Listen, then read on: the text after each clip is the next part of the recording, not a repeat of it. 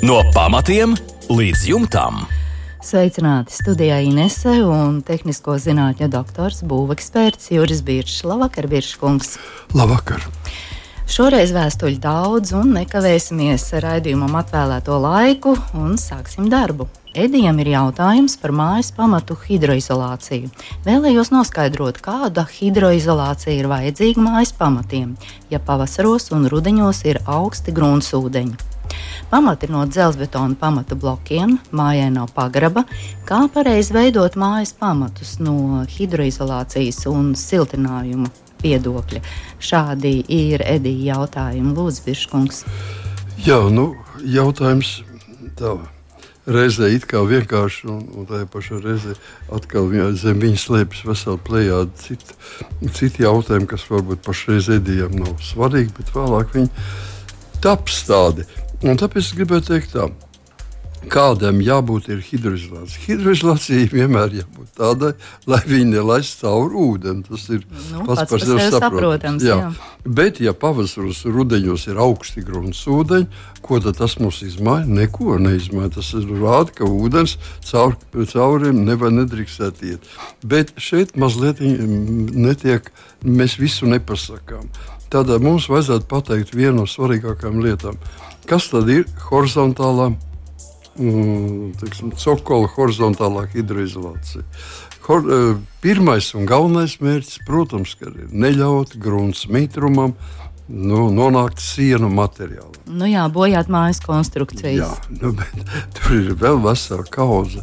Es, es tagad visus neiz, ne, neiztirzāšu. Vismaz 3-4 uzdevumi, kas vēl jādara, ir šai horizontālajai hidroizolācijai, bet pašu galveno tomēr pieminēsim. Tas jau nu ir pats pats galvenais pa, jebkuras ēkas horizontālā hidroizolācija ir ēkas plaušas, kas par brīvu, tātad bez naudas, bez elektrības, bez kaut kāda cilvēka iedarbības, atbrīvo ēku automātiski no mitruma.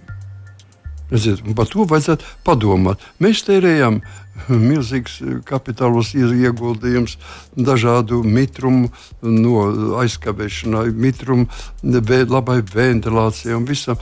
Pirmam kārtām ir jānodrošina, lai jums vienkārši ēka būtu pareizi uzbūvēta, lai viņa pati atbrīvotos no mitruma. Un jo vairāk ja gruntsūdeņi ir augsti, tas nozīmē, ka tieši šajos periodos mitruma spiediens vai mitruma slodze uz, uz šo hidroizolāciju ir ļoti spēcīga. Un ļoti svarīgi ir, lai viņi viegli varētu pati elpot. Lai šī horizontālā hidroizolācija varētu elpot, mēs jau entās reizes esam teikuši, atkārtoju vēlreiz. Tātad ārpusē horizontālā hidroizolācija, tas ir ārā, ēkas ārā pusē, ir redzama un vienmēr viņai jābūt redzamai. Tādēļ viņu var noslēpt ar metāla skāda dzēgu smuki vai ar kādu citu, bet jebkurā gadījumā viņa ir brīva atbrīvot un tieši gar šo horizontālo Mm, hidroizolācija, kas parasti ir viena vai divas kārtas ruberoīds, kas ir redzams kā tāda melna strīpa tikai. Ja? Tātad gan, gan, gan par apakšu, gan virspusē viņai tiek notiek šis mitruma atbrīvošanās. Kādā veidā? Mitrums do, cirkulē no mīnus temperatūras uz plus temperatūru. Nu, katrā gadījumā šeit ir sarežģīti būvfizikas procesi, bet jūs varat man noticēt, ka mitrums iet pretēji, kā tas iet siltumam. Un šādā gadījumā visi trajektorija, visa trajektorija, pilienveida ūdenī, kas nāk no apakšas, iet ar trajektoriju uz mēkas iekšpusi. Un viss, kas nāk pa, pa sienām, notiek uz leju, un kas iet pa konstrukcijas struktūru, arī iet ar, ar, ar trajektoriju uz lēkas iekšpusi. Un šeit viņi satiekas. Tur, kur ir horizontālā hidroizolācija, jo viņi paiet taisni nevar, tad viņi satiekas pie iekšējās malas, kas norāda to, ka iekšpusē horizontālā hidroizolācija jābūt cieta Tātad viņi tiek nošķērsota ar kādu no materiāliem, kas to neļauj iziet. Parasti tas ir vienkārši mm, putekļu polistirole ekstrudēta 10, 20 mm bieza plāksne, kas nosedz šo vietu no iekšpuses. Ārpusē viņi ir brīvi. Tad lūk, uz, sakrājoties mitrumam šeit, šajā ēkas iekšpusē, viņš uz mitrums uzsilst, jo ēka ir silta salīdzinot ar ārpusi. Pēc zināmā laika šis pilienveida ūdens pāriet tvaika veidā, un par cik siltums vienmēr iziet no mājas laukā, tad viņš viņu vienkārši laika pa laikam izmet ārā. Un tāpēc viņam jābūt brīvai vietai, kur rāda, ka ja ārpusē mums horizontālā hidroizolācija ir brīva. Ja tas tā būs izdarīts, viss ir kārtībā. Jo mēs apmēram varētu teikt, ka no desmit mājām, astoņās vismaz, mēs atrodam to, ka šī horizontālā hidroizolācija no ārpuses ir aizsaistīta. Ko tas nozīmē? Tas nozīmē, ka mitrums tiek stabili ievadīts telpā. Nozīmē nepatikšanas. no, tas nozīmē, ka iedzīvotāji sūdzās, ka ir paaugstināts mitrums. Nu, paši to arī šādā veidā izdara. Uh mhm. -huh. Jā, paldies par atbildēm. Andris mums raksta, jānovērš mitruma iekļūšanu pamatos no ārpuses ar tā saucamo pumpaino membrānu. Pamati ir 1,2 metri dziļi, vai rakt visā dziļumā un tad pievienot membrānu, vai apakšējā daļā jāliek meliorācijas cauruli un ar ko labāk aizbērt izrakto grāvi ap pamatiem ar granti vai šķembām? Lūk, šādi jautājumi. Jā, Andri. ļoti praktiski, Jā. praktiski jautājumi un ļoti pareizi jautājumi. Jā, tā tad mēs esam jau tik tālu, paldies Dievam, esam tik tālu jau nonākuši pie sapratnes, ka ir jālieto pie pamatiem, jāliek šī telpiskā geomembrāna, jeb tā tā saucamā pumpainā membrāna. Nu, ja šajā gadījumā, kā Andris raksta, ir 1,20 m dziļi pamati, tad lūk, vis, vispirms mēs bez šaubām izrokam tranšēju. Šī tranšēja nedrīkstētu būt visas ēkas sienas garumā. Viņai vajadzētu būt trīs maksimāli, nu, divi pusi. Pa gabaliņam. Jā, pa gabaliņam. Divi pusi, trīs metri garumā mēs izrokam šo tranšēju. Tajā dziļumā, cik mums ir vajadzīgs. Nu, pievienojam, tātad uzklājam uz sienas šo telpisko geomembrānu, tā saucamā pumpaino membrānu Viņi ir 5 cm virs grunts. Šajos 5 cm mēs viņus stiprinām ar dībeli, ar skrūvīti. Vienalga, ar ko mēs ik pa 30 centimetriem augšējo daļu šai membrānai stiprinām pie sienas, pie pamatu cokola. Uz leju šī membrāna karājās brīvi. Un runa bija par. par um, Meliorācijas cauruli. Jā, par meliorācijas cauruli. Meliorācijas caurule nav obligāta, bet to parasti pielieto tad, kad tiešām ļoti mitrs ir, kad ir teiksim, pavasaros, rudeņos un lietas sezonā ir, ir ļoti spēcīgs ūdens pieplūdums. Tad mēs vienkārši šo arī apvienojam ēkas no jumta tekušā ūdens noplūdi zem grunts apvienojam ar šo, šo cauruli. Šī caurule tiek novadīta uz kanalizācijas aku vai uz um, kādu ūdens tilpni, kur ir. Jā. Kur viņi var novadīt. Un vēl jautājums, ar ko labāk aizbērt šo grāvīti, ar granti vai šķembām? Nu, redziet, izrakt ir nepieciešams, lai mēs varētu viņu ievietot. Mēs ievietojam šo telpisko geomembrānu, atritinām, pēc tam aizrokam ciet, pēc tam nākošos 3,5 metrus, 3 metrus, atkal atritinām ietinām vaļā, nu, piestiprinām, un tā mēs ejam visu, visu laiku uz priekšu.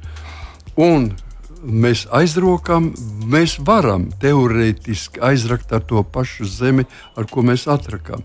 Bet labāk būtu, ja šajā zonā viss ūdens, kas nonāk no, no, no, teiksim, no notekām, no kas uh, lietus ceļā, kas uh, rodas pēc iespējas ātrāk, nonāktu līdz šīm šīs membrānas apakšējai daļai. Tas ir mūsu uzdevums. Viņš nonāk līdz membrānas apakšējai daļai, paiet zem membrānas un kā iztvaiko un nāk uz augšu kā mhm. tvaiks. Tāpēc, lai viņš ātrāk nonāktu, vajadzētu kaut ko rupjāku. Vai nu sliktākā gadījumā rupja grants, vai vislabāk tās ir šķembas, vislabāk lētas acīs. Ja? Tātad nevis kaut kāds kvalitatīvs šķembs, bet acīs katrā gadījumā nu, pēc iespējas mazāk organikas. Jā. Jā, paldies par atbildi Andrim. Gunārs vēlas nomainīt vecos koku logus pret pakešu logiem. Par cik milimetriem mazākus logus vajadzētu Gunāram pasūtīt, lai tos varētu ievietot vecajās logu kārbās? Šāds jautājums. Un arī darba secība Gunāri interesē. Un arī tas, kādas līmlentes materiālus izmantot, jo darbus plāno veikt pašu spēkiem. Jā, nu šeit es saprotu, ka pašu spēkiem tas ir, tas ir vai nu nepieciešamība izsaukt, vai arī pašiem savu meistaru. Bet es tomēr ieteiktu, ja mēs atstājam koka rāmi, tātad kārbu, nevis rāmi, bet kārbu, koka kārbu, vecajās logu ailās iekšā, tad Par to ir jāzina logi izgatavotājiem. Un pasūtot logu, tas ir obligāti jāuzskicē -hmm. un jāparāda. Tas ir pats notikums. Cik milimetrus mēs to nevaram par šodien pateikt. Tāpēc, kad izgatavotājs uz to nerēķinājās, izgatavotājs rēķinājās to, ka jūs viņam pateiksiet loga ailes izmērus un viņš precīzi pateiks, izgatavos logus, lai viņi derētu šai ailei. Šajā gadījumā mums aile ir vecajā logu kārba, bet tas ir koks. Jau, ja? Tātad, kāda ir viņa kvalitāte, vai tas ir pietiekoši, vai tur tajā varēs nostiprināt jaunos logas, logu rāmjus. Nu, to var pateikt tikai logu izgatavotāji, aģents. Ja. Jā, un, jo, jā, un parasti jau, parasti, kad jūs cik saprotat, tad, tad Gunārs arī logs pats neizgatavos nekādā gadījumā. Tas nozīmē, ka, ja mēs gribam pasūtīt logu, atbrauc aģents un izmēra pats. Viņam pateiks, ka lūdzu, mēs gribam atstāt koku kārtu. Mm -hmm. Tos tas arī pat pateiks. Kāds materiāls, nu, tas viss atkarēs mazliet maina, jo kārbi jau ir iekšā ieliktu. Tātad šeit vajadz, nevajadzēs vairāk to blīvi drīvēšanu, tik šausmīgi daudz, bet jebkurā gadījumā vajadzīgs ir, vajadzīgs ir līnu pakulas vai kaņepai pakuls, mazākā daudzumā, bet tomēr viņas ir vajadzīgas. Vajadzīgs ir hermetiķis, vajadzīgs ir speciālās logu lentes iekšpusē un ārpusē. Nu, tas ir galvenais. Mm -hmm. Jā, paldies par atbildi Gunāram. Vēlos siltināt 1965. gadā būvētu baļķu māju, kas apšūta ar ķieģeļiem. Mums raksta Aleksandrs un jautā, kā to labāk izdarīt, ar kādiem materiāliem labāk aizpildīt gaisa spraugu starp baļķiem un koku. Vēlos renovēt arī fasādi. Kādus materiālus jūs, Biržs kungs, ieteikt izmantot?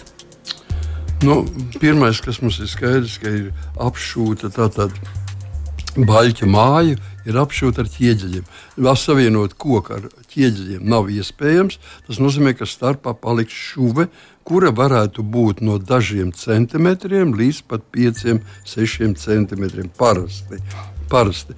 Un tāpēc, ja mēs esam vairāk kā 3 cm šī gaisa sprauga, tad neko labāku par ekovati es Nezinu, tātad ekovati ir berama vate, viņu atbrauc meistari un iepūš jums zem spiedienu visu šo gaisa spraugu, kas ir lielāka par 3 cm.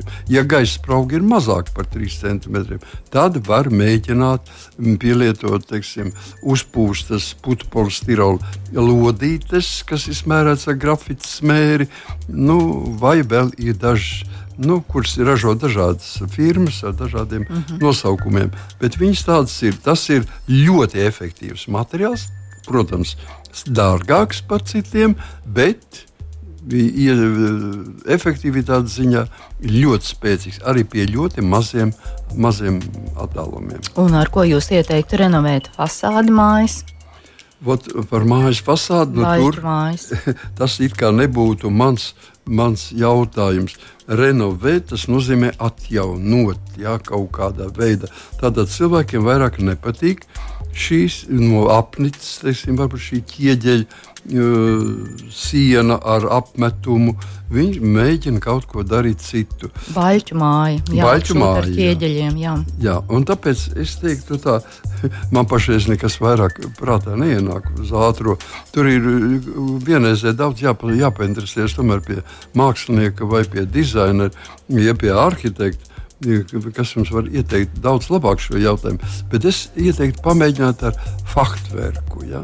Tātad koks, kas ir ārpusē redzams, nu, viņi var, viņi var mākslīgi iedziļināti, veidot it kā, it kā viņš ir pilnīgi tektoniku, šūnu tektoniku izmaina visai fasādē, un jūs iegūstat dažādu konfigurāciju, dažādas laukumus, kurus var krāsot, apmest, neapmest, atsekt. Nu, tur radās fantastiskas iespējas. Nu jā, jā, Aleksandrs ir nospriedzis renovēt, varbūt tomēr ir gribējis siltināt. Grū, grūti pateikt.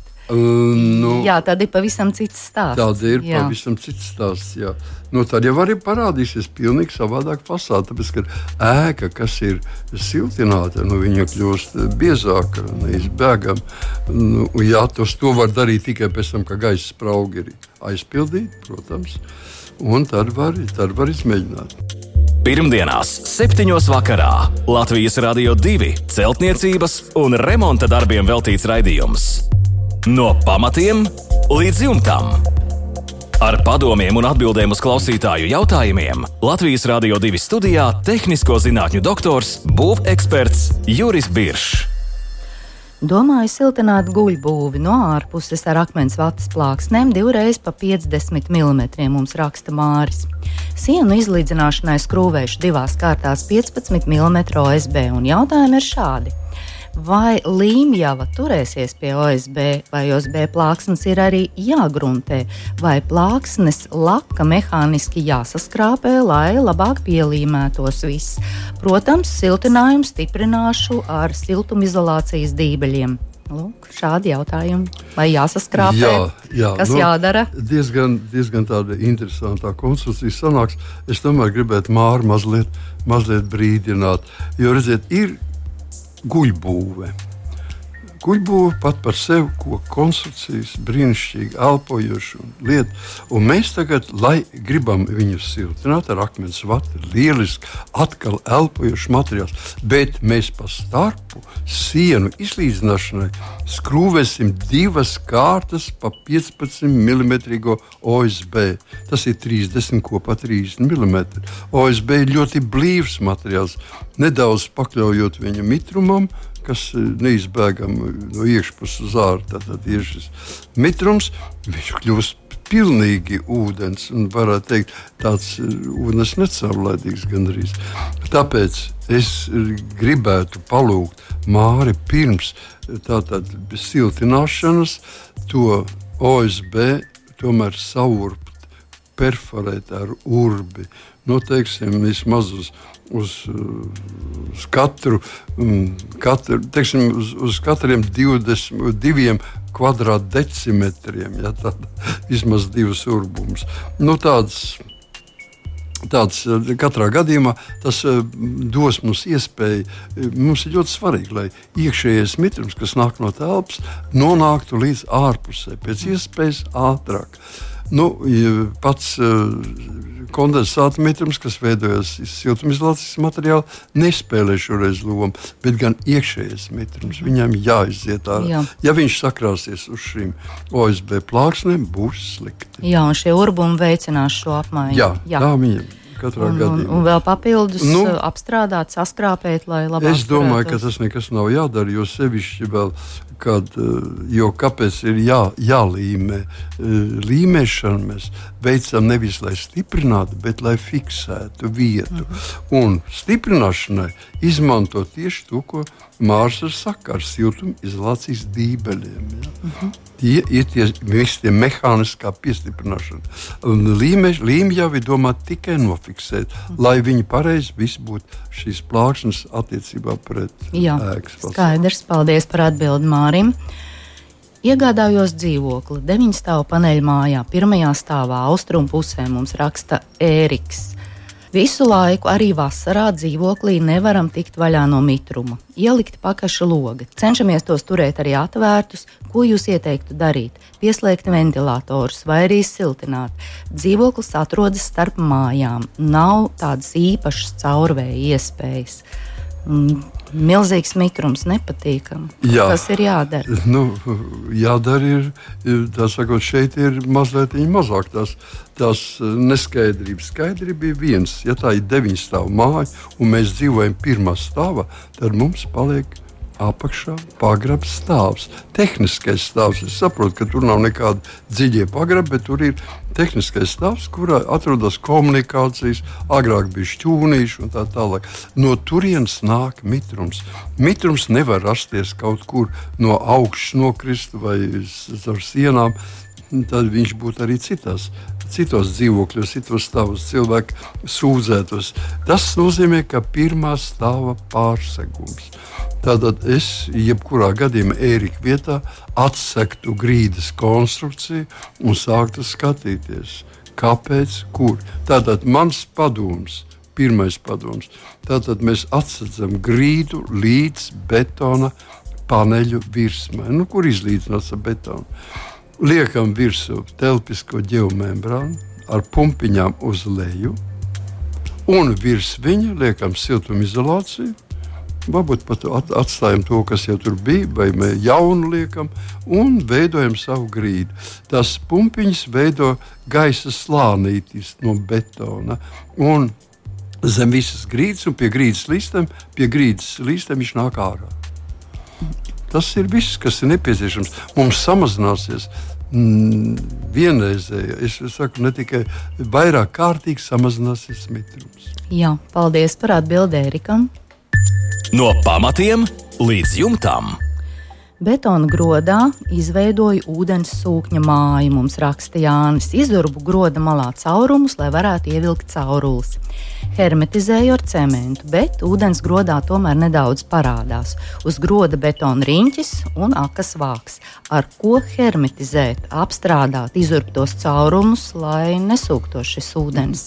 Jā, Jā nu, šāds jautājums. Pilnīgi pareizi. Tātad Jānis ir, ir darījis lielu darbu, bet, diemžēl, ar to ir par maz.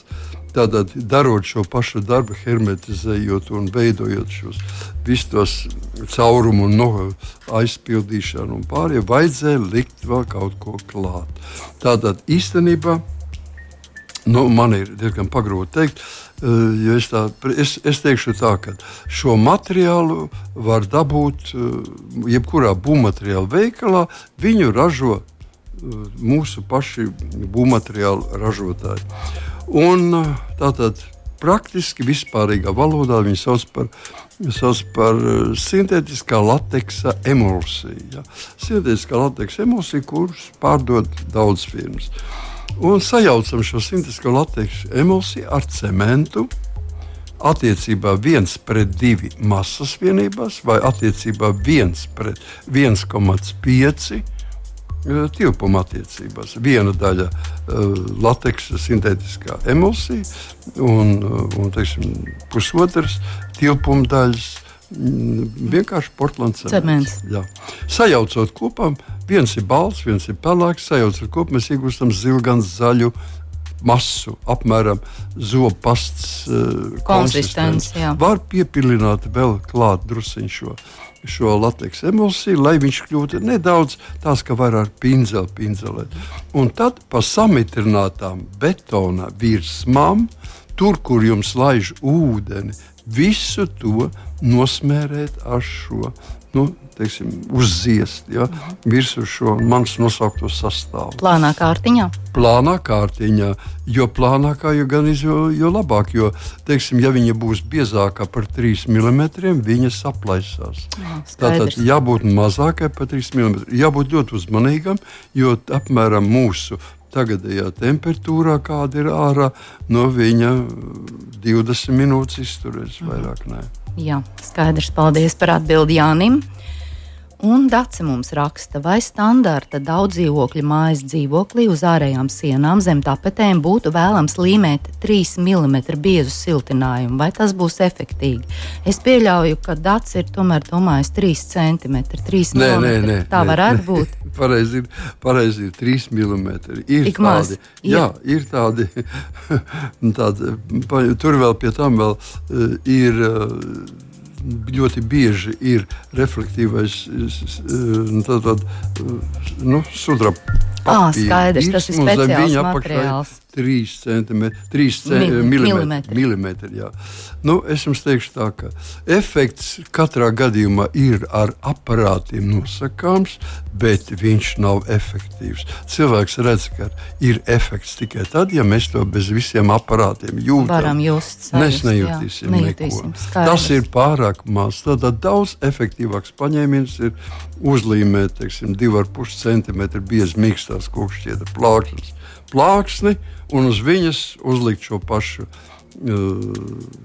nu, tapeti, ja, un, ja un tad... arī plāno dekoratīvu apmetumu, tas ir daudz racionālāk un efektīvāk. Nu jā, tad jutīs to jā, tad ieguvumu. Jutīs. Es atceros, ka kādreiz jaunībā es arī mēģināju, kāpēc varētu vienkārši zem tapetēm likt atstarojušu materiālu. Un tad tas siltums nāks atpakaļ.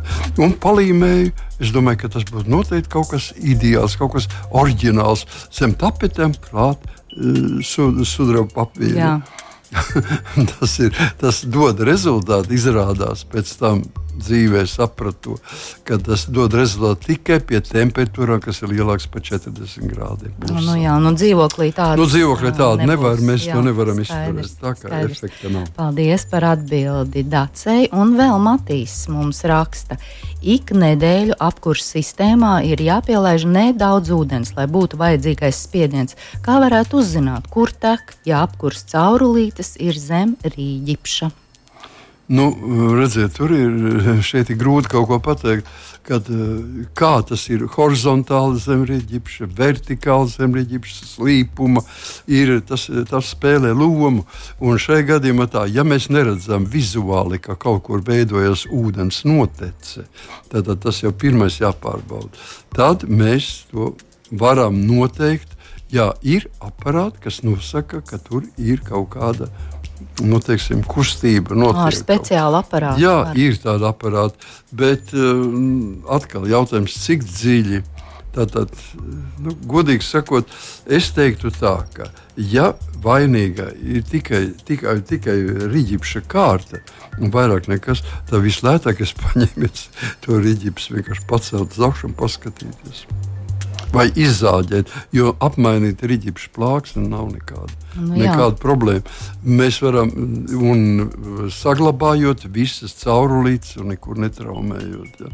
Cita lieta, ja zem rīķipša atrodas vēl betons un betona apslēpts caurulītes, tad mēs tikai ar aparātiem varam to noteikt. Nu, vienalga sarežģīta, tomēr ir ģipsa zāģē. Nu, pirmais, pirmais, ko es ieteiktu, vienkārši pats elementārākais tāds, tāds, nu, tāds zemnieku paņēmiens. Ja? Mēs nopērkam mitru mērītāju un ar to mitru mērītāju virzamies. Pa gabaliņam mērām. Pa gabaliņam visam redzam, vai ne, jo, teiksim, arī tas, ka zem sevišķi uz elektromagnetiskās darbības principu, šie mitru mērītāji parāda apmēram 2-3 cm zem, kas atrodas, kāds mitrums, un viņš var uzrādīt, ja viņš ah. uzrādīs jums, teiksim, ja mums ir, ir lamināta grīda, mēs virspusē mērot, varam noteikt, kas notiek zem lamināta. Ah, tad, jau, tad jau to vietu varētu šo nu, rīķi izņemt. Tad, tad jau apmēram, ja mēs zinām, kur jā. tad ir jēga kaut ko jā. darīt.